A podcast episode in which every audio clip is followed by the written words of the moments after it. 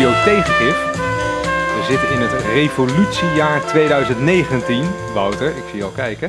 En het thema van vandaag is opstand tegen een radeloze polderelite. Heb je er een beetje zin in, eh, professor Dr. Welling? ja, professor Dr. Martens. Eh, ja, heel veel. Prachtige titel. Radeloze polderelite. Ja, want we hebben het hier over omdat het Malieveld tegenwoordig erbij ligt als een omgeploegde akker. En de onderwijsstaking gaat door. Wie maar? Ja, klopt. Dat was natuurlijk wel interessant nieuws afgelopen week. Dat je even hoort op vrijdag dat er een akkoord is tussen de grote bonden. ehm, over een pakket, wat was het dan, 450, 460 miljoen voor het onderwijs. En de staking zou van de baan gaan. En toen een grote protestactie tegen dat besluit van de AOB en CMV Onderwijs. Eh, eh, en vervolgens, eh, nou ja, dit weekend ehm, toch een staking gaat er komen. Dus woensdag, AOB zegt van we gaan toch, eh, we gaan toch eh, onze steun ervoor uitspreken. dus dat was wel een bijzondere Ja, zwenking. Daar moeten we het even over hebben. Voordat we verder gaan, even een traditie, kleine traditie. En ik merk dat ik het nu echt niet meer weet. Welke aflevering is het ook alweer, Wouter? 43? nee, het is aflevering eh, 44 alweer. 44. Ja, ja, prachtig. Mooi. hey, Wiemar, jij, jij had het in de voorbespreking over iets dat... Iets heel verstandigs en slims wat wij schijnbaar gezegd hebben... in aflevering nummer 2 of 3 of zo over Catalonië. Ja, ik eh, afgelopen weken, Jij luistert Was er ons weer? helemaal terug? Eh, nee, afgelopen weken waren er weer protesten, acties in Catalonië. Sterker nog, afgelopen week waren er meer dan 500.000 man, volgens de Spaanse politie was dat, op de benen in Catalonië om te protesteren Ja. tegen, tegen de gevangenisstraffen die de separatisten, separatistische leiders daar hebben gekregen. Tot hè, negen leiders hebben tot ongeveer 13 jaar gevangenisstraf gekregen. Pittig, En daar kan je in is- Nederland iemand voor vermoorden. dat is heel, heel pittig. En er was dus een betoging. De politie zegt dus meer dan 500.000 man. De eh, protesteerders zeggen zelf, betogers zeggen, ja, het is meer dan 750.000 mensen die op de been waren. Dus het grootste protest ooit. En toen moest ik ineens denken aan dat wij, toen we ooit een keer begonnen met deze podcast, dat we toen in de eerste afleveringen het over Catalonië hebben gehad. Want toen was het moment dat dus het referendum was eh, georganiseerd. De onafhankelijkheid was uitgeroepen via het referendum. En de Catalaanse leiders werden opgepakt. En daar hadden we het over in een aflevering, de derde aflevering, op 5 november 2017. En dat is dus precies twee jaar geleden in de zin van, het is vandaag 4 november 2019 en morgen komt deze podcast online. En toen dacht ik, het is wel leuk een keer terug te eh, luisteren wat we daar eigenlijk gezegd hebben. En van tevoren wil ik even waarschuwing geven. Luister even goed naar de kwaliteit van de opname. Ja, jij noemt trouwens net, we hebben nu even openstaan. Eh, ze hebben zich aangegeven inderdaad eh, in Brussel, heel slim. Gevangenisstraffen tot 30 jaar hangen deze mensen eh, boven het hoofd. Zo. Ja, dat is ook allemaal geen, geen recept voor, voor de-escalatie. Dat je weet, het is nu alles of niks. Als we hem nu te pakken krijgen... Dat worden martelaars. Dat zijn, Ja, dit is precies. zijn martelaars zijn van de vrijheidsstrijd. Dit is interessant, want wij noemen ze daar dus martelaars. En er komt een eh, vrijheidsstrijd, die ben je aan het organiseren uit de Spaanse ta- staat zelf. Ehm, en ergens anders hebben we gezegd dat dit het handboek was voor burgeropstand. Weet je nog, dat deden we toen. Nou, dat is natuurlijk superleuk dat we dan nu kunnen zeggen... Jeetje, wat een voorspellende blik, twee jaar eerder. Maar het is ook leuk om even te horen... dat we dus echt qua kwaliteit van de podcast wel wat omhoog zijn gegaan. Nou, wel wat. Het lijkt Ja. wel alsof we met z'n drieën rond een oude Nokia 310 zitten. Ongelooflijk. 3310. In een badkamer. Vreselijk Ja, dat maar- daar mensen naar Maar luisteren. dit- ik vind het wel mooi dat je het hebt teruggeluisterd allemaal, Wiemar. Eh, en dit gevonden hebt en eh, dat we nu deze borstklopperij kunnen Nou, doen. ik, we moeten natuurlijk eigenlijk vooral eh, degene eh, een compliment geven die hier het eh, geluid verzorgt en de edit. Wie is dat, eh, Randy?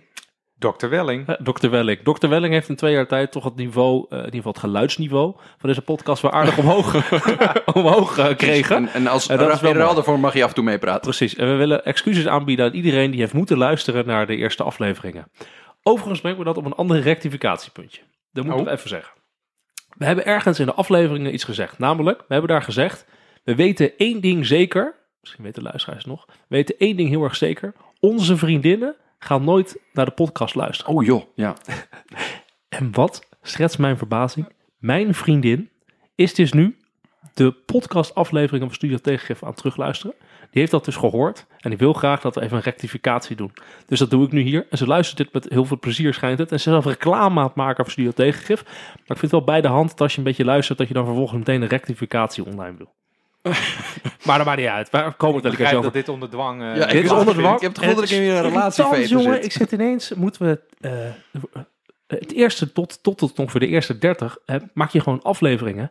En dan komt niet de hele tijd in huizen allemaal feedback op de afleveringen van, weet je, die eh, waanzin van de week duurt te lang of eh, kom eens een keer met de conclusie. En nu ineens moet ik de hele tijd erover praten. Nou ja, maar niet uit. Eh Mijn vrouw Cor be- trouwens. Mijn vrouw weet niet dat ik een podcast maak. Hey, jij hebt ooit, die heeft ooit eh, ook jou de podcast afleveringen Ja, geluisterd. die heeft er laatst voor het eerst één geluisterd over Ja, de millennials. Hoe Vond gaat heel het met jouw vriendin? Heeft hij al Ja, geluisterd, ja, Randy? Nou ja, af en toe eh, tegenwoordig. Dat heeft ook eh, tientallen afleveringen geduurd voordat dat een keer gebeurde. Precies. Ja. En nu is de vraag van, eh, hoe komt het dat ze opeens zijn gaan... eh, Nou, die zijn die horen al genoeg van ons gelul, eh, ben ik bang. Ja, dat is dus precies wat mijn vrouw zegt. Van, ja, dit, dit hoor ik al wel vaker. Daar ga ik niet nog naar luisteren. Ik doe dit thuis ook de hele dag als ik de krant lees of eh, de tv kijk. Ja. Ja. Precies. hey, maar laten we een naar... ander dingetje nog. Er wordt, eh, laatste feedback. Eh, we krijgen eh, vragen waar de podcast is gebleven. Ja, de podcast die is De- de- op een ander adres, namelijk waar wij vroeger de boel opnamen. En hij mist jullie ook. Ja, Randy wil zeggen dat we vroeger bij Randy opnamen. Die eerste hele slechte opnamekwaliteit dingen, die waren allemaal bij Randy. Ja. En Randy heeft een Waarom kast. zeg je dat de met podcast. nadruk? Ja, omdat jij zo goed eromheen praatte. Dus we kunnen de podcast niet eh, terugtoveren, want die is niet hier eh, in mijn eh, huis. Maar ik snap dat mensen missen en we hopen dat alles goed gaat met Charlie, want dat is zijn echte naam. Ik zou, dat is de echte naam inderdaad. En ik, ik zal wel even een geluidsfragmentje van hem meenemen de volgende keer. Ja. Dat is Hey, wij ehm, hadden het even over Catalonië. En dat is natuurlijk ook een elementje van eh, de grote reeks aan opstanden. Ehm, en die heb je ook in. Ik heb even een lijstje gemaakt. Momenteel eh fikken de winkelstraten in eh, Chili, Ecuador, Algerije, Irak, Libanon, Bolivia, Hongkong. Beetje in en uit het nieuws. Want ja, je kan niet. hoe zeg je dat? Je kan niet alleen maar dit soort opstanden in het 8 uur journaal hebben. Mhm. Heel opmerkelijk. Maar de aanleiding dat wij het hierover hadden, was ehm, de grote onderwijsstaking.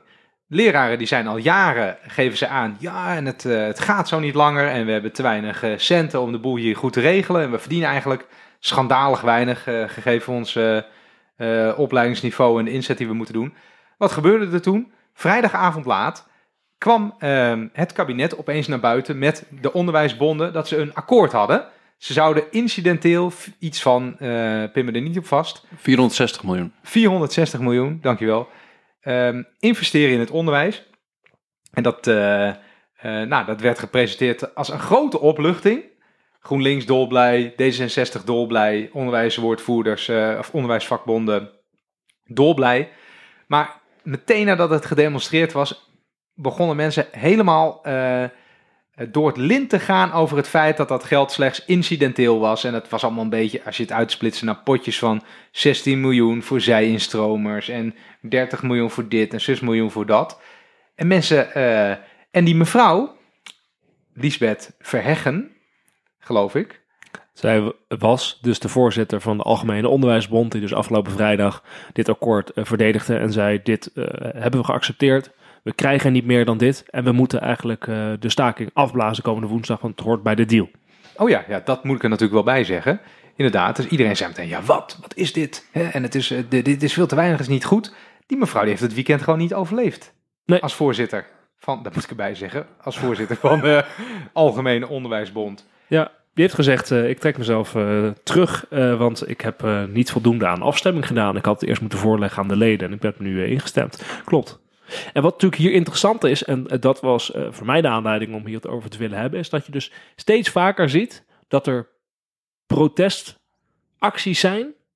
Denk aan de boeren, eh De protestactie. ook Farmers aan- Defense League Ja. bedoel je? de, de- klopt. Dat is, bij de boerenprotest zag ik heel duidelijk dat de traditionele belangenbehartiger van de boeren, dat is LTO. LTO, LTO Nederland, dat is de, de traditionele belangenbehartiger, dat die eh, concurrentie ondervond van een andere belangenbehartiger, een nieuwe, namelijk de Farmers Defence Force, die dus helemaal buiten alle traditionele polderoverleg of maatschappelijk middenveld tradities al die boeren eh, aan de gang kreeg via gewoon Twitter, Facebook en heel veel WhatsApp groepen.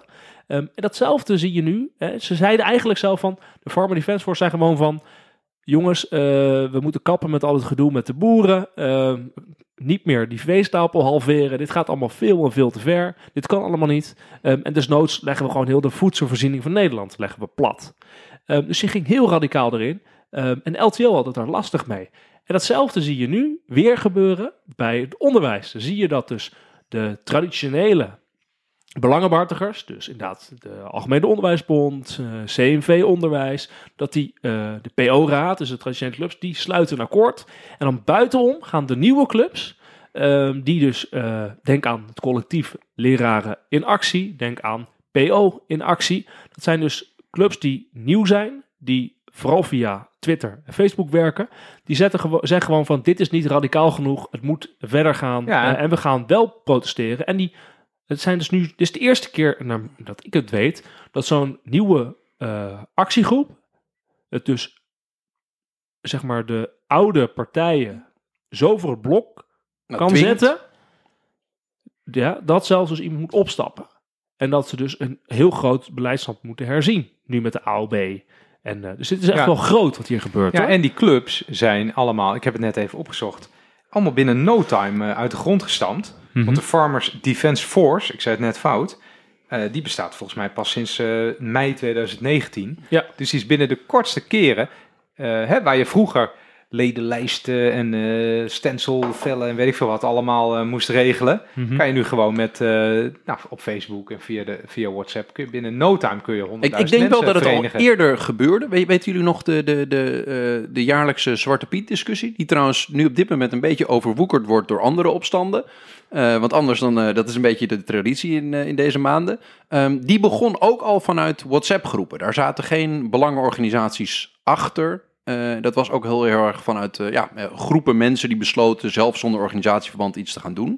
Maar je ziet nu dus dat, wat- dat het zelfs omdraait. Dat de bestaande belangenorganisaties, nadat er besloten is van wij gaan er radicaal met een gestrekt been in, door eh, organisaties van, van bouwers, boeren, leraren en, en klimaatactivisten, eh, dat er een soort van strijd ontstaat waarbij de bestaande eh, belangenorganisaties of, of vertegenwoordigende organen een wedstrijdje doen. Wie kan het beste zeggen dat het ook hun vriendjes waren die daar op dat Malieveld staan?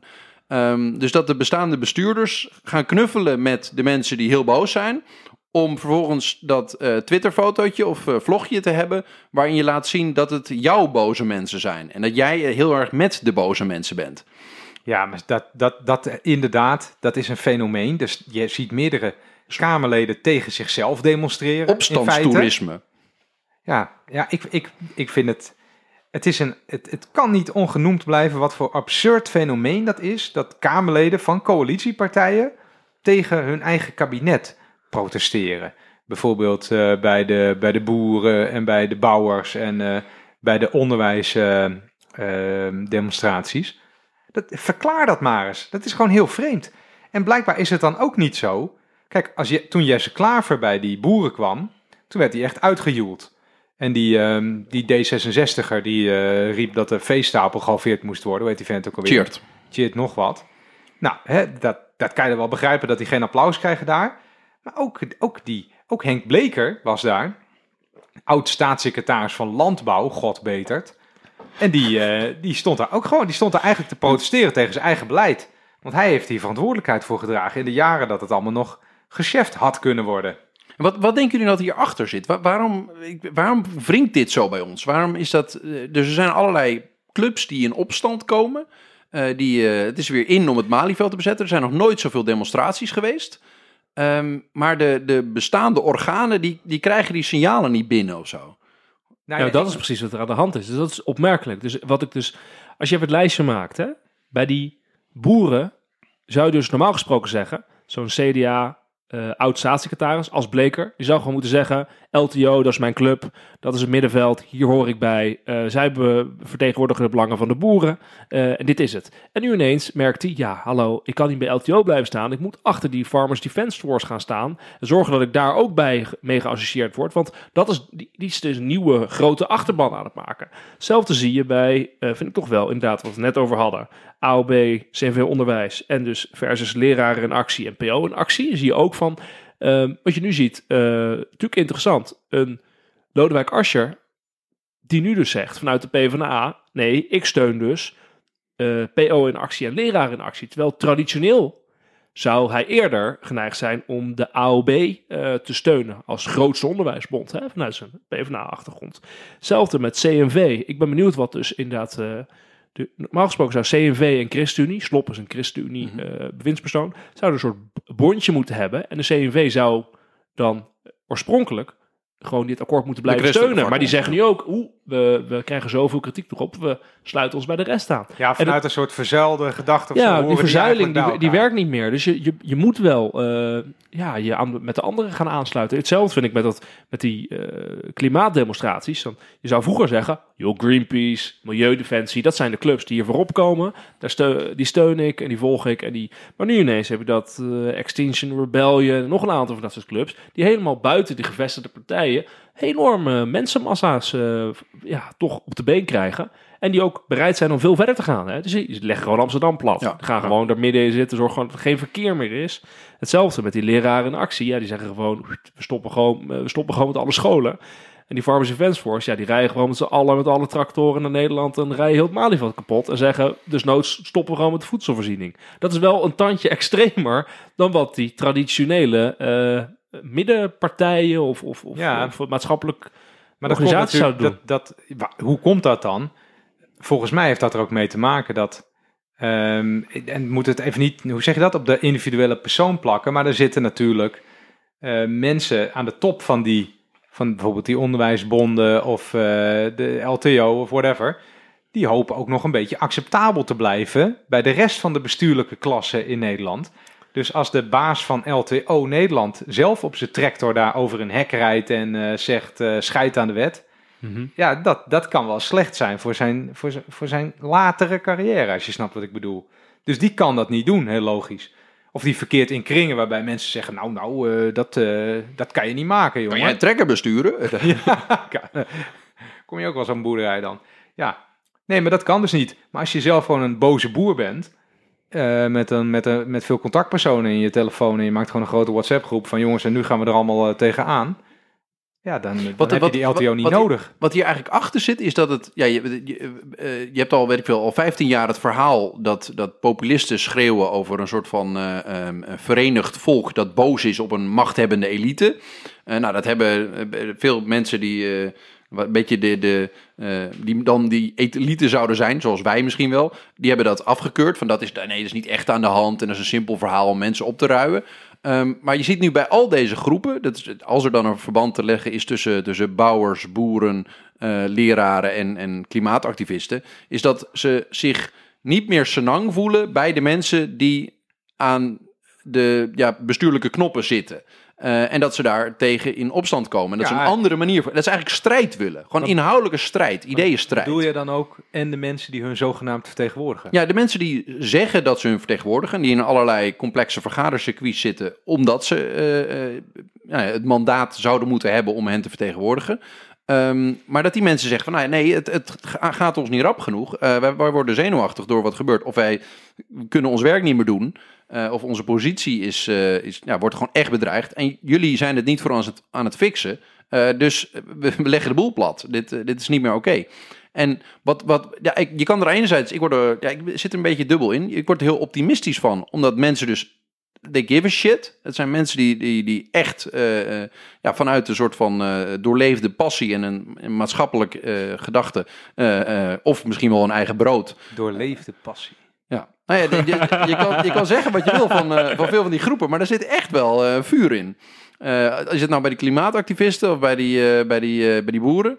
Ja, woed, die mensen zijn woedend. Ja, echt, boos. ja. boos. En dat, dat is natuurlijk ook al die traditionele eh belangenpartijen die hun Zouden moeten zouden, vertegenwoordigen. in ieder geval verdedigen of in hun ogen zouden moeten verdedigen, die zien zij dus gewoon als dat is de status quo. Ja, dat, Dat zijn gewoon oude grijze man in pak. Dat zijn de, ja, dat zijn de mensen die eh, vaak al eh, in de politiek functies hebben gehad, eh, misschien in de ambtenarij hoog, en dan vervolgens hier eh, in zo'n, we noemen dit niet voor niks, de polderelite, hè? dus de, in zo'n polderelite terechtkomen. Ja. bij, en ze hebben zoiets van, ja, op het moment dat we, als we die steunen, het enige wat we dan krijgen is meer status quo. Dus we moeten hard, extreem verder gaan dan deze partijen. Dat is wel, dat is eigenlijk wat je nu, wat je nu ziet. Ik kwam een leuk artikeltje tegen. Ehm, en er werd een bestuurskunde professor eh, geciteerd. En dat was het in 2005. Deze man heet Paul Frissen. En die zei, Daar heb ik ooit nog college van gehad. dan zal het een hele verstandige man zijn als die, dan? dingen, als die mensen als jij heeft voortgebracht. Ja. Ehm, maar eh, hij Nee, zei ik, van, niet, ik hoor niet bij de elite. dat, dat is dus 14 jaar geleden. Hè? Politiek en het maatschappelijk middenveld zijn zo verknoopt geraakt dat hun opinievorming op dezelfde wijze verloopt. Oftewel, ze denken gewoon hetzelfde, ze doen hetzelfde. Nou, als je dit leest en je denkt vervolgens aan dat beeld van afgelopen vrijdag, hoe je de AOB en de CNV en eh, de minister van Onderwijs Slop, als je die met z'n drie Ja, daar zag staan, en moeten dat het leek even... allemaal hetzelfde club mensen. Nou het ja, ver- letterlijk verknoopt. Ze verknoopt. Nou, niet letterlijk. Ze zaten niet letterlijk. ik, mag ik even... Dat ik heb knoop. Een, een ik wil een oproep doen aan Nederland van deze plek. Het woord Ik letter. heb een ernstig probleem met het eh, foute gebruik van het woord letterlijk. letterlijk betekent dat het echt zo is. Figuurlijk betekent dat het erop lijkt, maar dat het niet echt zo is. Randy, Dus je jij bedoelde helemaal gelijk. Hebt, je hebt letterlijk letterlijk- gelijk. Dankjewel. Verder had je natuurlijk een uitstekend punt. Want in de, ik denk ook dat misschien die foto uiteindelijk eh, het meest, of het meest, ook uitermate killing was voor die mevrouw van die onderwijsvakbond. Want je zag gewoon een, een, een, een groepje grijze, helemaal kapot vergaderde poldertijgers naast elkaar een akkoord presenteren wat, waarvan iedereen met een beetje normaal verstand zou zeggen, ja, dit is dus flut, hè? Tijdelijk geld en dan staan we hier over twee jaar weer. We hebben al tien keer gepro- geprotesteerd de afgelopen tien jaar, dus we zijn er nu wel eens een keertje klaar mee. En dan allemaal doen alsof het geweldig is, want dat heb je afgesproken. Een spreeklijn. Ja jongens, en dan stappen we naar buiten. Wat is dat, een spreeklijn? Nou, dan, dan, dan, wij zitten dan eh, lekker, te dem, of, eh, lekker te onderhandelen met elkaar. En dan zijn we eruit en dan zeggen oké, het is eigenlijk niet goed, het is eigenlijk flut, het eh, resultaat. Maar we doen gewoon allebei alsof het goed is. En Er is eindelijk een, eh, een doorbraak bereikt in eh, het onderwijsveld. Er is eindelijk een akkoord. Er komt extra geld voor de leraren. Voor de komende paar jaar waarmee de ergste problemen kunnen worden opgelost. Ja. Een loonsverhoging waar zo lang voor gedemonstreerd En is. let op, En- we begonnen op 0 euro. En- we zitten nu op 460 miljoen. Er is echt fors geld uitgetrokken door het kabinet. En het is Ja. inderdaad niet wat we maximaal zouden willen. En dan maar het is een goede D66er. eerste stap. Die Paul van Manen heet hij zo. Die zegt dan, ik Paul van Paul van Menen. Ik ben heel slecht in naam. Die, eh, die zegt, ik als onderwijsman wil natuurlijk ook meer. Maar ja, hè, dit is nu het hoogst haalbaar. Precies. Wat een onzin. Waarom zou dit nou het hoogst haalbare zijn? Je kan het toch ook gewoon nu echt oplossen? En onze minister-president zei, wij hebben nou eenmaal te maken met schaarste. Ja, dat is, dat is toch gewoon open deur van je welste. Natuurlijk heb je te maken met schaarste. Maar eh, hij liegt als hij nu beweert dat hij dit niet kan oplossen. Die We hebben, we hebben te maken met wel. schaarste. En trouwens, we, hebben, eh, we zitten wel eh, te kijken naar een investeringsfonds met eh, tientallen miljarden. En we hebben onderbesteding op de rijksbegroting. Ja, daarom. Wat dat is toch volstrekte kool. Ja, maar denken jullie niet dat als we dan toch hebben over die, die, die vraag of die, ja, de, de bestuurders, de polderbestuurders, of die nou echt losgezongen zijn van de mensen die op dat Malieveld staan, dat ehm, ik vind dat wel een mooi voorbeeld dat dat pas, dat is, eh, ooit bedacht. Dat is eigenlijk een programma dat gaat over, er is een stikstofprobleem en daar is, in- om in, kort samengevat in bedacht, we gaan dit vooruitschuiven. We maken dit een probleem voor toekomstige bestuurders. ja, en dit het, moet je goed maar laat me, het punt, laat me het punt even maken. Ehm, het, het, de- heel vaak is het zo dat dit soort bestuurlijke overleggen en akkoorden ermee wegkwamen om problemen niet daadwerkelijk op te lossen. Dus, dus eigenlijk wat jullie, wat, vrijdag eh, gebeurde met zo'n eh, ja, zo'n overleg tussen allerlei onderwijsvertegenwoordigende or- organisaties. Ehm, nou, die, die besluiten iets. En in het verleden is het heel vaak zo gebeurd dat we in Nederland in, in de polder, dus met allerlei maatschappelijke organisaties, iets konden afspreken. Vervolgens de spreeklijn, zoals je net uitlegt, eh, mee komen. En allemaal zeggen dat het fantastisch is en dat het goed komt. En nou ja, dan ergens een paar jaar later of zo kwam men erachter dat het eigenlijk een halve afspraak was. Of dat er een paar dingen niet meegenomen waren. Of dat het een probleem vooruitschuiven was. En ik heb het gevoel dat er nu toch wat iets anders zit in de, weet ik veel, de tijdgeest of het humeur van, eh, van, van de mensen. Ehm, dat men zo kritisch is geworden op de, de, de tafels die de akkoorden sluiten, dat je niet meer wegkomt met een probleem vooruitschuiven. Denk je, dat klopt? Zit daar wat in? Dat het, de humeur nu een beetje anders is? weet je, het is ook gewoon de, de- het feit dat je dat al zo vaak eerder hebt gezien. De- het is een, steeds een déjà vu. Dan komen ze weer naar buiten en dan hebben ze weer wat besloten, wat, waarvan iedereen ziet dat het onvoldoende is. En dat doen we allemaal alsof het toch goed is. Ja, dat, dat, dat is een irritatiefactor van je welste. En op een gegeven moment pik je dat gewoon niet meer. Die leraar, die heb, ik heb het niet opgezocht, maar die hebben in ieder geval de afgelopen vier jaar al twee keer eerder gedemonstreerd. En nu moeten ze weer. En, en dan en worden ze afgekocht met iets wat, wat eh, met extra geld voor de jaren 2021 en 2022. Dan be- Dat weet je dus, dat je er in 2023 sta je er weer. Die, kan je, die demonstratie kan je nu al inboeken. Of die vergunning kun je al aanvragen. Ja, dat, dat pikken mensen niet meer. En zeker als ze zien dat het eigenlijk wel opgelost kan worden, maar het komt even niet uit om het nu te doen. En vaak is het ook zo dat eh, de politici die gunnen de oplossing natuurlijk niet aan elkaar. Hè, als jij kan claimen dat jij de problemen in het onderwijs permanent hebt opgelost, ja, dan ben je natuurlijk een held. Dan word je electoraal word je veel, veel te gevaarlijk voor mij. Dus niemand wil dat er een held is. Nee, natuurlijk niet. Maar, en dat, maar dat is, eh, kijk, het gekke is dat die partijen, eh, of het nou gaat om onderwijs of om landbouw of om eh, welk vraagstuk dan ook, ehm, de maatschappelijke partijen, die interesseert het geen bied hoe dat politieke proces werkt. Hoe die eh, mannen in pakken eruit komen, maakt ze niet uit. Het gaat hen erom dat er een, een oplossing voor het vraagstuk komt. Of in ieder geval een duidelijke lijn waar je het mee eens kunt zijn of het mee het oneens kunt zijn. Dus wat je net beschrijft is eigenlijk nog meer olie op het vuur voor welke partij dan ook, om er, er niet in te vertrouwen dat de manier waarop die polder nu werkt, dat dat ergens toe leidt. Ik denk dat mensen alleen maar eh, ja, door, door dit proces pissiger en pissiger worden. Maar ik denk wel dat we nu iets negatief zijn. Want er zijn natuurlijk ook eh, veel akkoorden gesloten in Nederland die best wel een oplossing waren. Ja, je hebt, voor heb je ook wel gelijk. Dus het gaat ook af en toe ook wel goed. Het probleem natuurlijk met dit akkoord was, is dat het zo doorzichtig geen oplossing was voor het probleem. Afgelopen vrijdag met het onderwijs.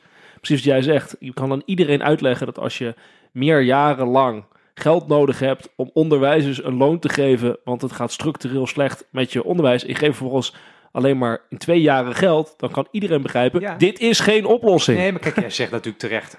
Uiteraard zijn er ook heel veel goede akkoorden gesloten. Alleen eh, dit fenomeen van dat incidentele geld en dan over twee Ja, jaar weer klopt. moeten demonstreren, dat zie je nu vaker. Want dat zag je ook bij de jeugdzorg. Ehm, waarbij iedereen, eh, de gemeente en ook de minister van eh, Volksgezondheid, ik weet niet Ja. of dat zijn titel is eigenlijk, Hugo de Jonge, eh, en dus de jeugdzorg zelf, zeiden, ja, de tekorten zijn onoverkomelijk, er moet geld bij, dat moet, moet, moet, anders gaat het helemaal mis. En toen kwam er ook een, toen kwam er ook een paar honderd miljoen incidenteel geld. Hè, incidenteel betekent, is gewoon technocratenjargon voor eenmalig geld, dus niet structureel.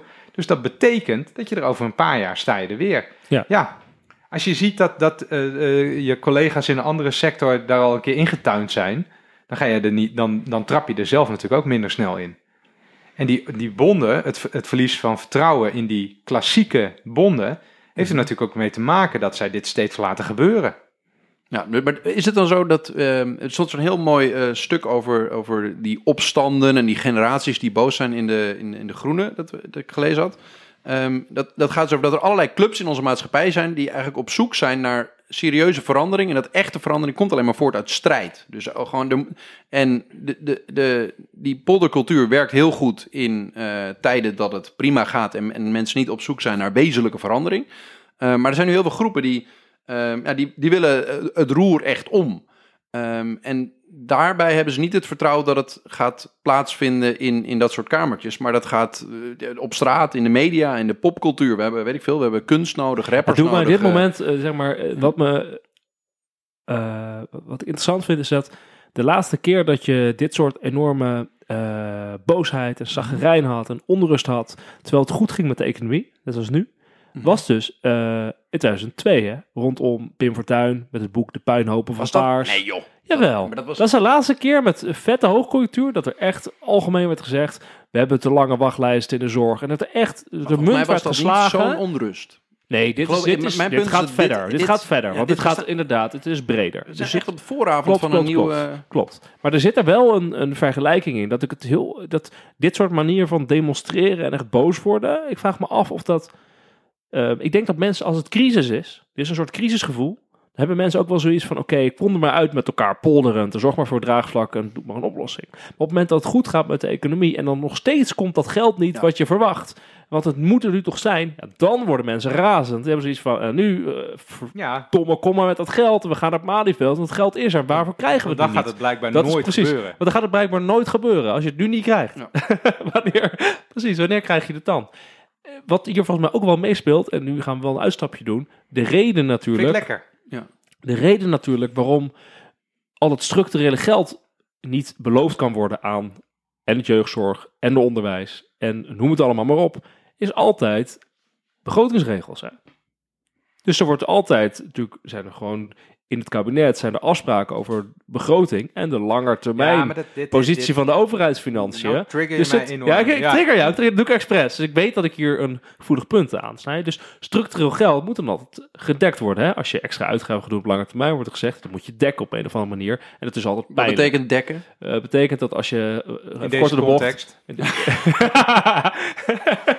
dat betekent dat, even kort de bocht, als je een miljard uitgeeft, structureel, dus elk jaar 1 miljard, Moet je ook belasting ophalen. dat je ook moet zeggen van, we gaan op andere eh, terreinen dan 1 miljard minder uitgeven de komende periode, want je wilt die uitgaven structureel dekken. Dat zijn natuurlijk de afspraken die gemaakt zijn. Er is één moment, eh het afgelopen jaar, waar ik een keer heb gezien dat er dus een onderhandeling was, eh, dat er weer ging over vooral incidenteel geld.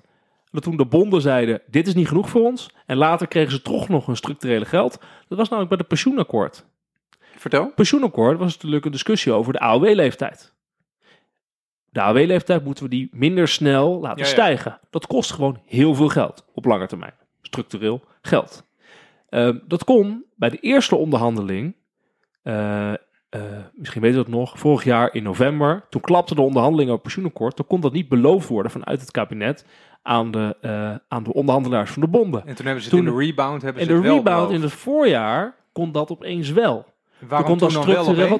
Omdat toen er een berekening was dat de langere termijn positie van de overheidsfinanciën gunstiger was dan eerder ingeschat. Ja, dus er werd gezegd, er komen miljarden Dus euro's. waren- binnen, de, binnen de door jou beschreven begrotingssystematiek kon het, kon het toen opeens wel.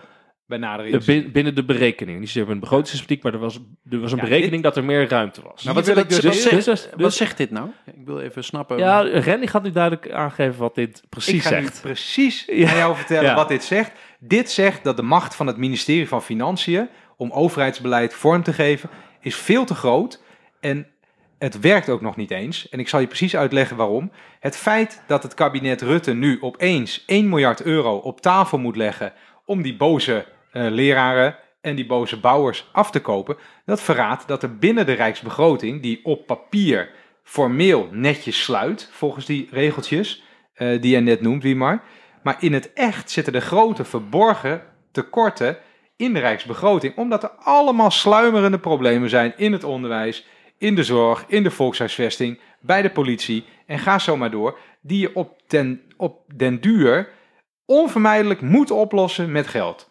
En eh, zoals met al het onderhoud, net als, net als aan je huis om het simpel te maken, al het onderhoud dat je uitstelt, dat kost later alleen maar meer. En daarom is, zijn die begrotingsregels zo dom. Dus het ministerie van Financiën heeft heel politiek Den Haag in een ijzeren houtgreep. Brood, uitgaven waarvan iedereen zegt, zoals in de jeugdzorg. Je hebt er gewerkt, hè? duidelijk. Nou, één jaartje maar, ik mag dit zeggen. Eh, uitgaven waarvan iedereen zegt, die zijn volstrekt noodzakelijk. Zelfs die kunnen niet gedaan worden. Omdat eh, de minister van Financiën zegt, ja, maar dat past niet binnen de regeltjes. Die regeltjes heb je notabene zelf met jezelf afgesproken. dat slaat helemaal nergens op. En je kan het wel negeren, maar je schuift dan een, een, een ongedekte cheque, schuif je juist door naar een volgende generatie. Niet in de vorm van een schuld, maar in de vorm van een probleem.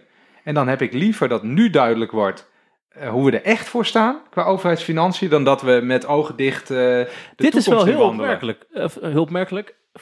Goed bedacht. In de zin van, er wordt altijd gezegd door kabinetten, wij kunnen nu niet structureel geld uitgeven, want dan regeren we over ons graf heen.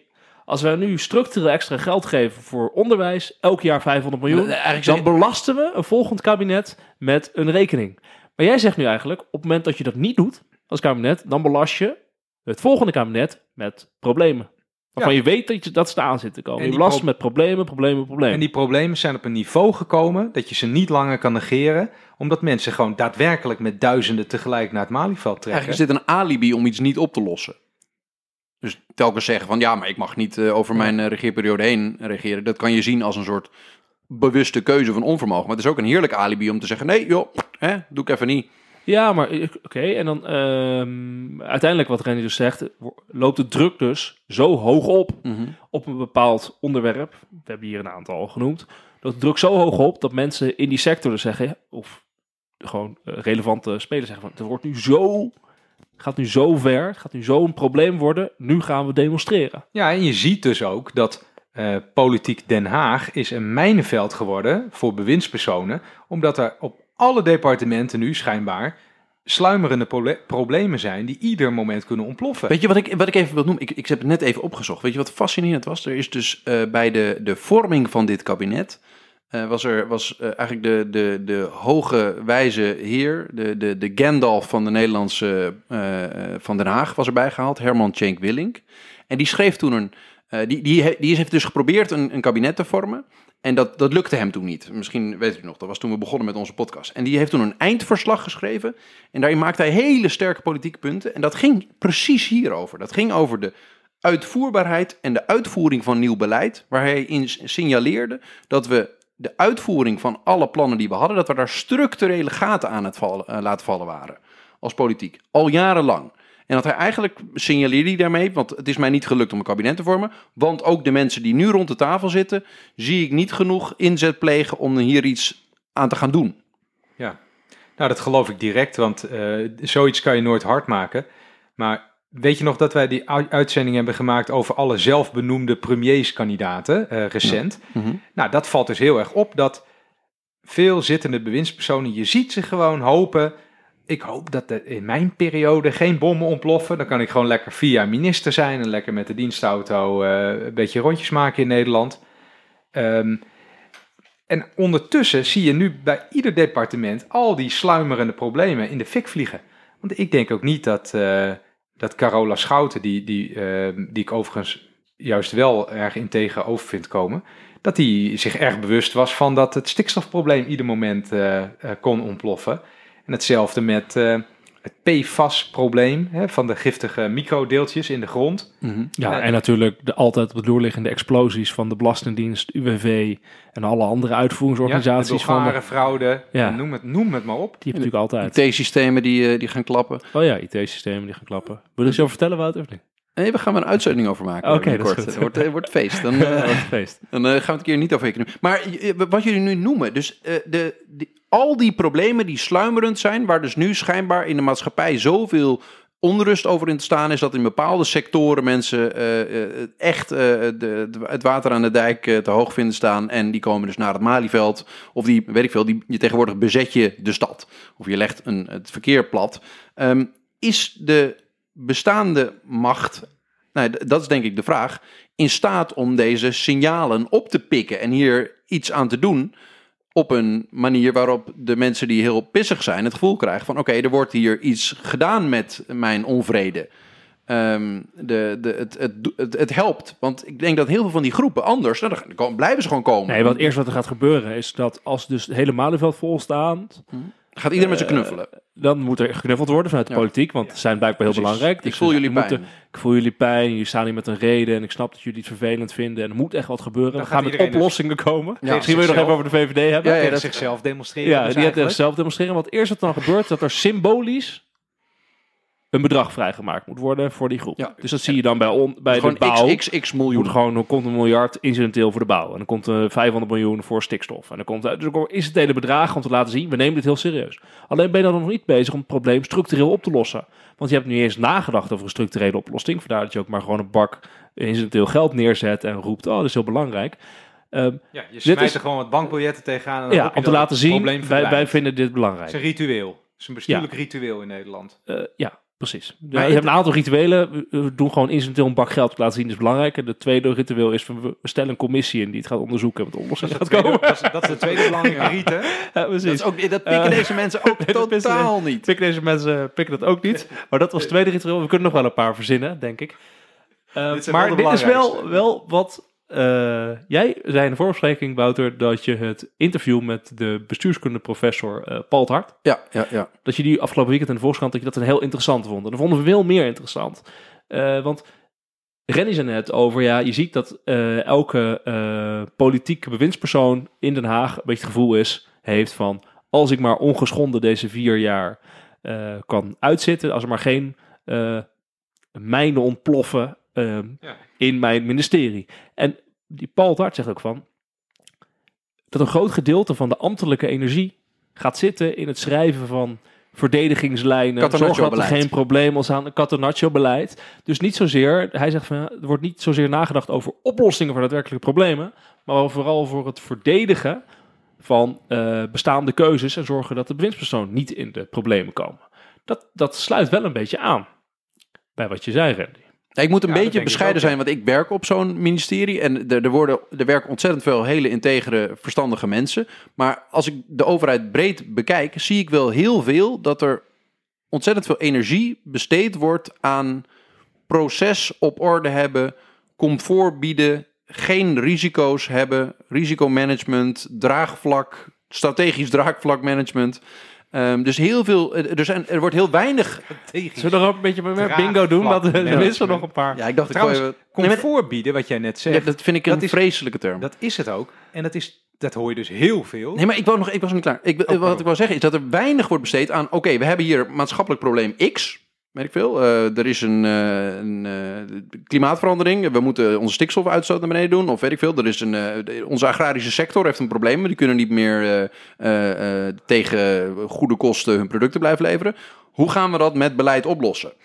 Er wordt heel veel effort besteed aan ja, meer de, de procesmatige, risicomijdende zaken, zodat bestuurders ehm, eh, ja, er lekker bij zitten en er geen dingen ontploffen te, op, tijdens hun eh, zittingsperiode. Je hebt zo'n Belgisch grapje, ik ben, ik ben even kwijt eh, waar die precies eh, origineert. En dan zeggen ze, ehm, dan, krijgt ze een, krijgt een politieke partij het verwijt, dat kunnen ze ook over individuele politici zeggen, het verwijt dat ze ehm, te weinig visie hebben. Dan zeggen ze, nee, we zijn een ideeënpartij. Wij denken tegenwoordig na over twee grote ideeën. Hoe kom ik aan de macht? Hoe blijven we aan de macht? En dat is, dat is heel flauw. En dat is waar inderdaad veel energie in gaat zitten, volgens mij. Ik zag net, ik heb net even, terwijl jullie eh, bezig waren, even iets opgezocht. ehm, wat nog een voorbeeld is van waar we het nu over hebben. Eh, NOS, eh, NOS Nieuws vandaag. 110 miljoen extra voor strijd tegen georganiseerde misdaad. En dat is dus ook eenmalig geld voor, de, voor een of andere antidrugseenheid van Grapperhaus. Die, heeft dus ook, die riep dus ook, er moet een antidrugseenheid komen. Die stelt hij dan ook samen door rechercheurs weg te kapen bij andere politieonderdelen. Dus het netto-effect van, eh, van deze, eigenlijk is het een reorganisatie, eh, kan je je ook afvragen. Maar het is ook niet zo dat dit allemaal. We moeten niet het beeld scheppen dat dit allemaal slecht is en dat dit niet goed bedoeld is. Nee, dit dit is is heel goed wel. bedoeld. Dit is hartstikke goed bedoeld. Het zijn hele integere mensen.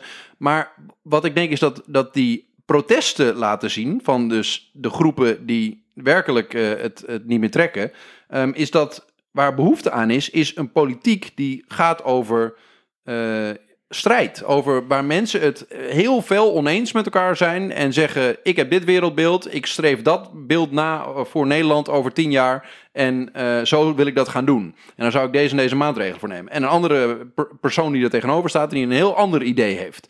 In Ja. plaats van, nou, we gaan heel goed luisteren, we gaan alle eh, overlegjes af en dan doen we ongeveer wat de consensus lijkt te zijn.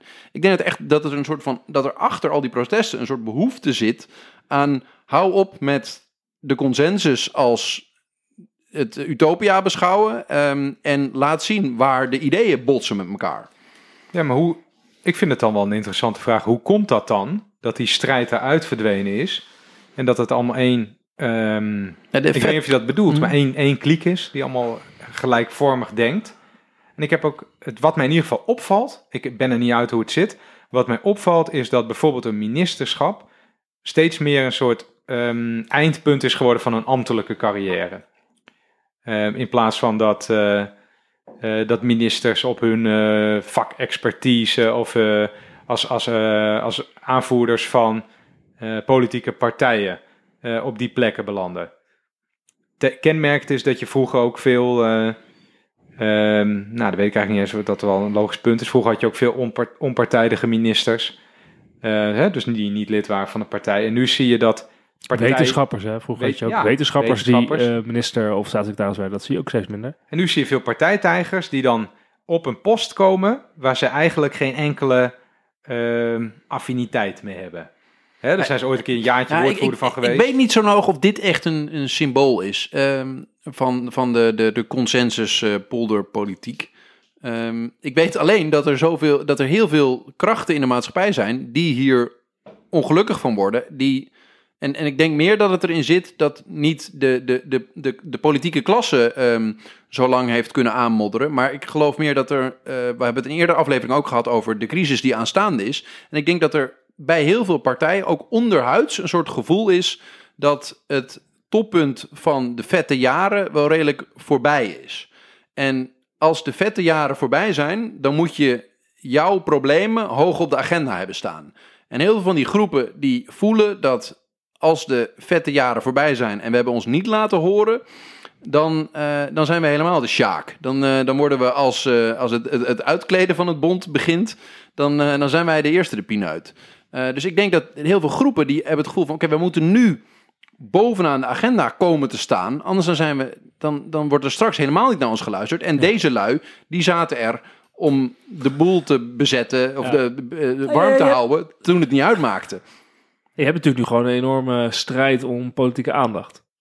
Dus dus eh, het zijn allemaal groepen die willen allemaal de aandacht van de politiek. Want als je, en zeker als je dus eh, heel demonstreert, je rijdt heel het Malieveld plat. En vervolgens eh, komen alle politici ook een keer op het Malieveld staan. Als je dat hebt, dan heb je de aandacht van de politici. En dan heb je er ook nog een keer de kans dat er een keer een groot incidenteel bedrag wordt vrijgemaakt. En dat dat eh, jouw kant op komt rollen. En als je een beetje mazzel hebt, dan komt er misschien zelfs eh, structureel eh, geld voor jouw eh, doel. Dus in die zin zie je wel, ja, dit is gewoon echt, dat de demonstraties zo heftig worden, is volgens mij omdat iedereen zoiets heeft van, wij willen de aandacht van de politiek, want wij willen dat jullie ons probleem Nou ja, oplossen. je ziet wel dat eh, hoe heftiger de demonstratie, hoe groter de beloning, Ja, eh, zo zeker. gezegd. Want die boeren die hebben, kijk dat stikstof dat blijft een probleem. Eh, maar die hebben wel heel veel centen binnengeharkt voor het uitkopen van, eh van Ja, ja, ja. boerenbedrijven Ja.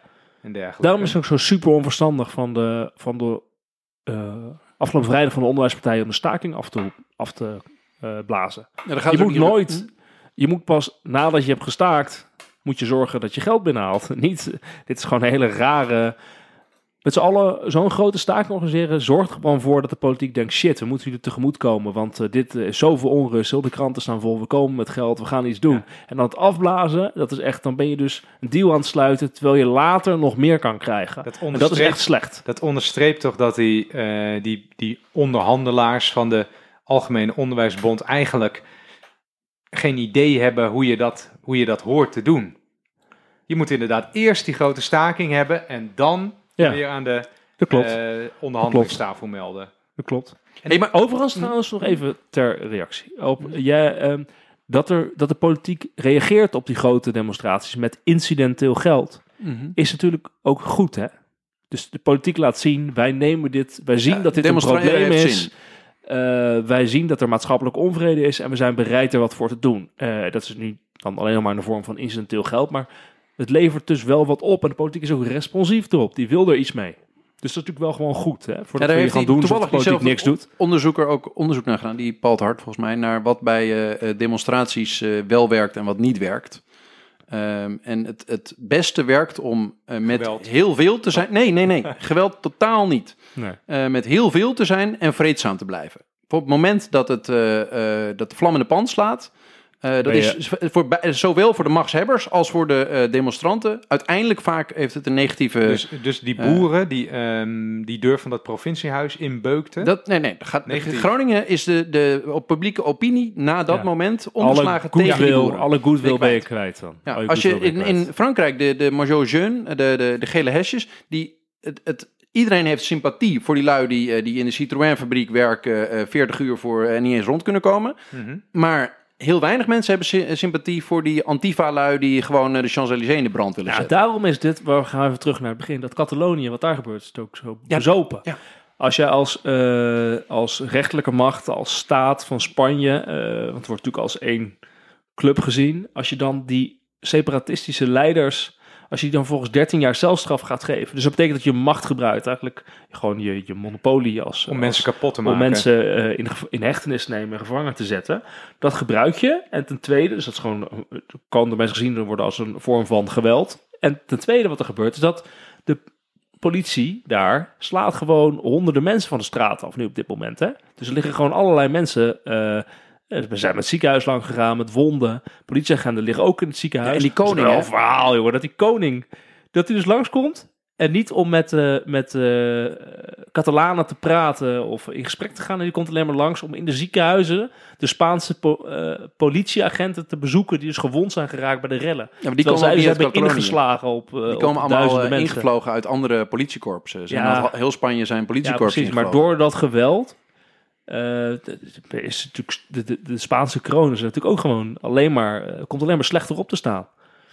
Ik denk dat dit echt de kern is wat, van wat de vraag voor, voor de, de Nederlandse onvrede in allerlei sectoren gaat wezen. Van hoe gaat de, de, de zittende macht of de, de, de, politieke klasse, de, de klasse van wetenschappers, lobbyisten, eh, mensen die in die moeilijke vergaderingen zitten, reageren op deze, ehm, ja, dat zeggen enerzijds ideologische onvrede die er is, dat politiek niet over ideeënstrijd gaat. En anderzijds gewoon de, de praktische onvrede van groepen die zeggen, ja, mijn brood gaat eh, weg. Ehm, gaat de politieke klasse dat omarmen, maar uitstellen? Of gaat er, gaan ze keuzes maken dat bepaalde belangen van bepaalde groepen eh, vereerd worden? Of gaat het eh, neergeslagen worden, dat het niet meer mag? Verbod op het Malieveld, hek eromheen. Ehm, hoe, hoe wordt er omgegaan met echt deze groeiende eh, groepen die ontevreden zijn? Ik denk dat je uit het feit dat heel veel Kamerleden dus een beetje tegen zichzelf lopen te protesteren de hele tijd. Mensen zijn niet gek, hè? Dat je daar, nee, maar dat je daaruit kan afleiden dat zij het misschien ehm, wel, of duidelijk, ze protesteren ervoor, wel eens zijn met die mensen die ontevreden zijn, kan niks. maar dat zij het ook niet meer weten. Ja. Eh, ze weten het van tevoren niet wat die mensen willen, omdat ze zo out of touch zijn met wat er in de echte wereld gebeurt, dat ze niet, niet weten of ze goed of fout bezig zijn. Dan barst dus de bom. Dan blijkt dat ze fout bezig zijn. Dan willen ze het wel oplossen. Maar ze weten niet hoe. Ze weten niet hoe. Dat is de machteloosheid. ja, het, Ja. ma- het mag Maar- niet maar- van het maar- ministerie van Financiën. En ah, ja, we weten, de uitvoeringsorganisaties zijn ook zo uitgekleed dat we het eigenlijk niet meer kunnen. Maar we zijn het wel met jullie eens hoor. Maar dan, dat is een fascinerende periode. Dat dus een periode aanbreekt waarbij de machtsgroepen of de bestuurders in de maatschappij zeggen van... wij horen wel wat u zegt allemaal, we voelen uw pijn, maar wij, dat, dan, maar we kunnen er niet direct iets aan doen. Dat betekent dat er een soort van eh, window of opportunity is voor mensen met nieuwe ideeën om de macht te gaan grijpen, om die invloed te gaan pakken eh, en, en op nieuwe manieren daar invulling aan te geven. Als de, de- je kan als machthebbers niet heel lang zeggen, ik weet het niet. Nee, ik denk dus dat er dat. Kijk, er is heel lang eh, is de, de politieke wind is in de zeilen geweest van partijen en politici die het beste konden zeggen wat, eh, wat, wat Nederlanders emotioneel beroerde. De hardwerkende Nederlander. Ja, of gewoon van ja, ik heb te- het zijn toch te veel buitenlanders. Dus, eh, en Normen en waarden. zegt dat goed, eh, dus, of Klaas zegt dat goed, dat is mooi. Maar ik denk dat, dat daar ben ik zelf in ieder geval wel klaar voor, dat Nederland nu al zit te wachten op politici die ook uitstralen dat ze daadwerkelijk capabel zijn om iets te doen aan deze problemen. Want het is leuk dat er weer iemand zit die het met me eens is, maar als die persoon weer niks klaar kan spelen, wat heb ik dan aan zo'n eh, aan zo'n figuur? Ja, geen lobbyisten, maar gewoon mensen die... ja, nee, ik... ik, eh, Wat natuurlijk ook fascinerend nu is, is, Hm? ik moet even lachen, want ik word vaak gewezen op mijn stopwoordje fascinerend, ja. Eh, is dat, ehm, Je kan niet alles fascinerend vinden, dan is niks fascinerend. nou, dat weet ik niet, maar ehm, wat grappig is dat, dat is een goede vervanger, is dat... Ja. ja, je hebt het gevoel dat je moet legitimeren dat je Ja, het zegt. ja, zeker. Nee, Nee. nee, dit deed heel scherp. Ehm, je zei net van, eh, mensen verlangen terug naar dat politiek strijd is. Hè? En mensen zijn klaar met consensus en dat iedereen hetzelfde vindt en zo. Wat ik nu hier, hier opmerkelijk vind, is dat dus je ziet dat Ascher en Klaver, dat dus zulke andere eh manier, strategieën kiezen hier. Want Ascher, die doet dus totaal alles buitenom. Hè? Eh, ik zit even, die, die zegt dus van, eh, we moeten gaan actie voeren. Die sluit zich aan bij de, bij de, bij de nieuwe eh belangenbehartigingspartijen. Ja, dus juist En die zegt ook in de Kamer, en, ik wil vechten, ik wil vechten, ik wil vechten. En bij GroenLinks zie je juist nu het andere, ja, andere manier van werken. Van ik sluit me aan. Ik ben eigenlijk in eerste instantie zijn ze, waren ze voor zo'n onderwijsakkoord en zo. Ja. Ik heb het gevoel, dit gaat niet, gaat niet helemaal goed. Nee, dat, ik, ik, heb hem, ik heb hem al eerder gecallt dat ehm, GroenLinks waarschijnlijk in mijn ogen een beetje over zijn piek heen is. En volgens mij trapt GroenLinks nu in dezelfde honingval als waar de SP ingevlogen is. Namelijk, ze gaan nu Partij van de Arbeidje spelen. Ze proberen nu heel ehm, verantwoord te doen. Maar dat is, dat is juist wat ze... We zeiden ook in de voorbespreking... Ehm, toen, wat, eh, toen ik zei van ik kan niet, ik ben niet goed met communiceren en zo, want ik reageer nooit op appjes. toen zei jij, Wiemar, je moet doen waar je goed in bent en de rest moet je gewoon eh, lekker niet doen. Ja, dat doe ik al heel mijn leven. Ja, nou, GroenLinks is niet goed in heel verantwoord en, en bestuurlijk doen. En dat gaan ze nu wel doen. Eh, hè, want Klaver zegt, ja, ik stem toch voor die begrotingen. En eh Klaver was juist heel enthousiast over dit onderwijsakkoord. Hè, die wil natuurlijk laten zien Ja, dat is die natuurlijk interessant. de regeringsmacht waardig is. Ja, want GroenLinks staat zowel op economische thema's, op sociaal-culturele thema's, helemaal aan de linkerkant. Hè? Ja. We zijn gewoon een, in die zin eh, de meest vergaande partij. Hey, maar kunnen we deze groen gedachte dan zo. even doortrekken? Als je dan ook, ik begrijp wat, jullie zeggen, want een, eh, dat als je eh, wat de Partij van de Arbeid het dan goed zou doen, omdat die ehm, eh, zich meer distancieren van de boel de boel laten, dus er meer er er tegenaan trappen, en dat GroenLinks misschien te veel eh, zich eh, schaart achter de, de, de polderelite of de, de, de polderbestuurders. Ehm, en dat, nou, aan de rechterkant zie je hetzelfde. Je ziet daar eh, eh, het Forum, eh, die, die echt alleen uit gewoon de werkelijkheid doet er niet meer toe als ze maar hard trappen. Ehm, je, dan, dan zou dit een reden zijn voor eh, de PvdA om misschien ook niet meer te doen waar ze goed in zijn. Namelijk eh, de boel besturen en weten hoe alle bonden precies werken. En eh, meer te luisteren naar de mensen die echt strijd willen. Ja, en weet je, dat is makkelijk, zolang je nog in de oppositie zit. Want herinner je even goed dat toen dit kabinet eh, in elkaar gedraaid werd, toen, toen was er zo'n sfeertje van, ja, maar wij, eh, al die partijen zeiden, wij willen helemaal niet eh, regeren, want die wisten blijkbaar waar wij nu achter komen, dat, er over, dat alle departementen vol met mijnenvel, met, hè, met lijken in de kast Arretjes, ja. zaten. Ehm, en dat wordt, daar gaat natuurlijk ook Lodewijk Asscher tegenaan lopen. Als hij straks weer moet regeren, dan, dan moet je wel dus ook daadwerkelijk iets kunnen bewerkstelligen. Dus dus dan zeg je eigenlijk, ze durven eigenlijk niet hard genoeg een echte ideeënstrijd te voeren, omdat ze weten dat als ze het straks voor het zeggen hebben, dat ze het ook niet kunnen klaarspelen. Dat de boel zo vast zit of Nee, zo. nee, nee, dat is niet Randy Nee, dat ik probeer te begrijpen. Dat, eh, dat op het moment dat je eenmaal winstpersoon bent op een ministerie, dat de kans heel groot is dat er eigenlijk een goed ambtelijk afgedekte mijn ligt waar je bovenop Ja, maar dat je dus- waardoor je moet aftreden. dat Dus betekent dat je ook jouw ideeën niet kan waarmaken. Jazeker, ook jouw ideeën Dat niet je kan weet, waarmaken. je voelt, het lukt me toch Ja. niet. Ja, dat klopt. Dat klopt. Dat klopt. En, En de volgende vraag is natuurlijk, want we hadden het over strijd, Mhm. of niet, maar dat er nu blijkbaar een soort tijdperk van strijd is aangebroken. Zelfs zo erg dat zelfs de, de kapitalistische elitaire klasse als demonstrant strijdend op Malieveld staat. Denk aan, eh, denk aan eh, Hans de Boer, eh, Verhagen, noem het allemaal maar op. Dus strijd is echt het nieuwe, nieuwe woord. Iedereen, de hele elite, de vecht tegen elkaar, zeg maar. Maar het tweede gaat natuurlijk over ideeën. Wat je zei, van het is Mhm. tijd voor nieuwe ideeën. Ja. De vraag is nu van welke partij heeft nieuwe ideeën? Want echt iets nieuws. Dat is natuurlijk het lastige. Politieke partijen als ideeënmachines, dat is wel enigszins minder, laten we zeggen, dan 20, 30 jaar geleden. En de clubs die nu ehm, de ideeën moeten maken voor de toekomst van Nederland, zijn vooral eh, ambtenaren. We hebben het eerder gehad over die hele mooie operatie, weet dat, beleidsopties in beeld. Nee. Eh hoe heet het ook weer nu? De Heroverwegingen, de brede maatschappelijke heroverwegingen. heroverwegingen.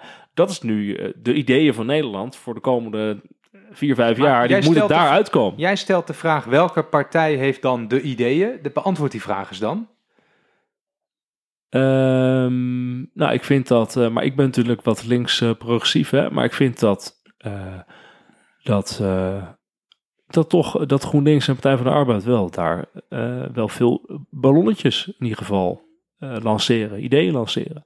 Zitten nu dit weekend, Asscher is weer allerlei wetsvoorstellen, initiatieven aan het indienen over eh, het bereidelen van het kapitalisme, bedrijven die maatschappelijke functie moeten hebben. Nou, dat is in die Ja, zin is het extreem vergeleken met, eh, met, met, met de, de heersende Ja. eh, opinie van wat zou je moeten doen met je economie. Dat is wel waar, want een paar jaar geleden, of misschien daar zit wat in, ehm, hè, wie ben ik om te zeggen wat waar is? Want een paar jaar geleden kwam de klimaatwet. Ja. En dat wa- was er nog een beetje. Hè? Dus om CO2, een soort CO2-begroting Ja, te maken. ja. En dan wettelijk vast te leggen dat die uitstoot moet dalen. Dus niet gewoon hè, een beetje hopen dat het gebeurt, maar wettelijk vastleggen. Dat was toen nog een beetje een heel wild idee toen het gelanceerd werd. En nu Ja. is dat al volstrekt eh, gangbaar. Ja, precies. Maar, Dat klopt, was ook wel ik- een heel goed idee. Mag ik daar nog vind even op met- reageren, Wiemer? Want jij zegt dan, nou, die- die, die op de progressieve kant. Als we het dan hebben dat er nu jarenlang een soort van ideologische windstilte is geweest in Nederland. En daardoor de ambtenarij het voor het zeggen heeft gekregen. En eh, met elkaar in, eh, in moeilijke tafels gaat bepalen wat er gebeurt. En eh, als er dan, nou, we noemden het Catanaccio-politiek. dan vind ik wel dat er nog een onwijze opening is voor een beetje een, een aanvalsvoetbal in de oppositie. Eh, waar, waar- al, al, Je bent iets te, te beeldvormerig. te beeldvormig. Nou, Kan je even uitleggen als je, als, je als, je, als je dit goede ideeën vindt die gevormd worden, dan denk ik dat de oppositie echt nog tien keer zo krachtig kan. Ehm, en ik geloof dat er ook wel, eh, laten we zeggen, een soort van markt voor is. Dat is een verkeerde uitdrukking. Eh, dat er ruimte voor is. Eh, dat er Je bedoelt electorale winst mogelijk. ja, oh, Als je met ideeën dat is helemaal komt. vredelijk. Dat er ruimte is voor hele goede ideeën en flink veel mensen om erachter te scharen. Als je werkelijk een ander idee hebt. Als je, Oké, dan heb je misschien vier jaar pret. En als je dan aan de macht komt, dan kom je in hetzelfde mijnenveld als waar die andere sukkels zitten. Nee, maar als jij, jij, nee, nee, jij nee, nee. Als jij ehm, wezenlijke veranderingen voorstelt, die een soort systeemverandering zijn, dan vermoed ik dat je ook kunt uitleggen dat dat een verbouwing vereist. Dat je daar niet direct bent. Als jij, laten we zeggen, een klein beetje aan de knopjes wil draaien en dan lukt het je niet, eh, dan is het moeilijker uitleggen dat je dat niet lukt. Denk jij, oké, fair enough, maar denk jij dan niet dat, eh, nou hè, eh, jij komt dan zo aan de macht. Jan Partij haalt eh 15 zetels, dat is heel veel tegenwoordig. Je kan een, eh, een post claimen en dan kom je daar in de trefzaal en dan zegt de minister van Financiën, ja, maar dat mag niet van de begrotingsregels. Ja, je moet natuurlijk al regelen integreerakkoord. Dat is natuurlijk het Ja. moment. Ja, precies. Dus dat is het lastige eh, voor deze belangengroepen. Deze belangengroepen die komen nu allemaal halverwege de zitting van de kabinet. Nou. Die willen allemaal beleid wat niet in het regeerakkoord stond. Nee, dat- dat en dat betekent helemaal dat je allerlei zaken moet gaan aanpassen. Nee. Dus, dat is een, dus als je als eh, partij dingen wil fixen en je zet in je verkiezingsprogramma en volgens zet je in het regeerakkoord, dan kan je ook natuurlijk behoorlijk wel dingen voor elkaar krijgen. Die klimaatwet heeft natuurlijk het inderdaad ook ge- gehaald en leidt gewoon wel tot een enorme verandering van je, nou, Ja. van, je van daadwerkelijk wat je, wat je doet als, als overheid. En Maar jij zegt dus, je moet, als je echte verandering wil bewerkstelligen, moet je beter voorbereid juist al die ehm, technische tussenstapjes afleggen.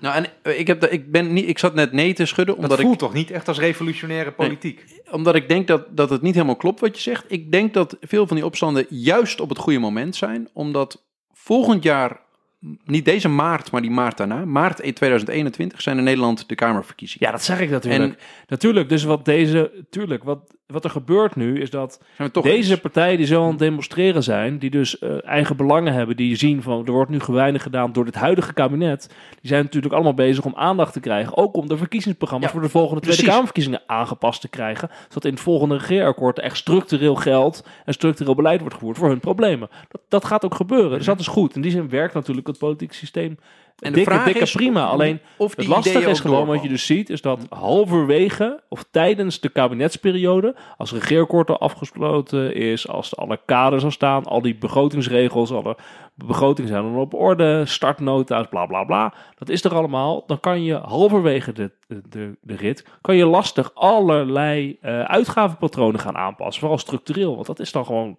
al dichtgeschroeid.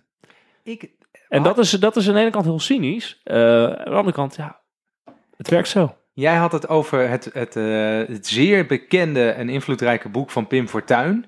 De puinhopen van acht jaar paars, Ja. geloof ik. Hè? Jij noemde dat. Ik heb het gevoel dat we weer een beetje een soort de puinhopen van acht jaar paars moment naderen. Want Ja. nu heb je eh, de kabinetten Rutte gehad. Neoliberale kabinetten die hun agenda van economische hervorming heel goed hebben kunnen doorvoeren.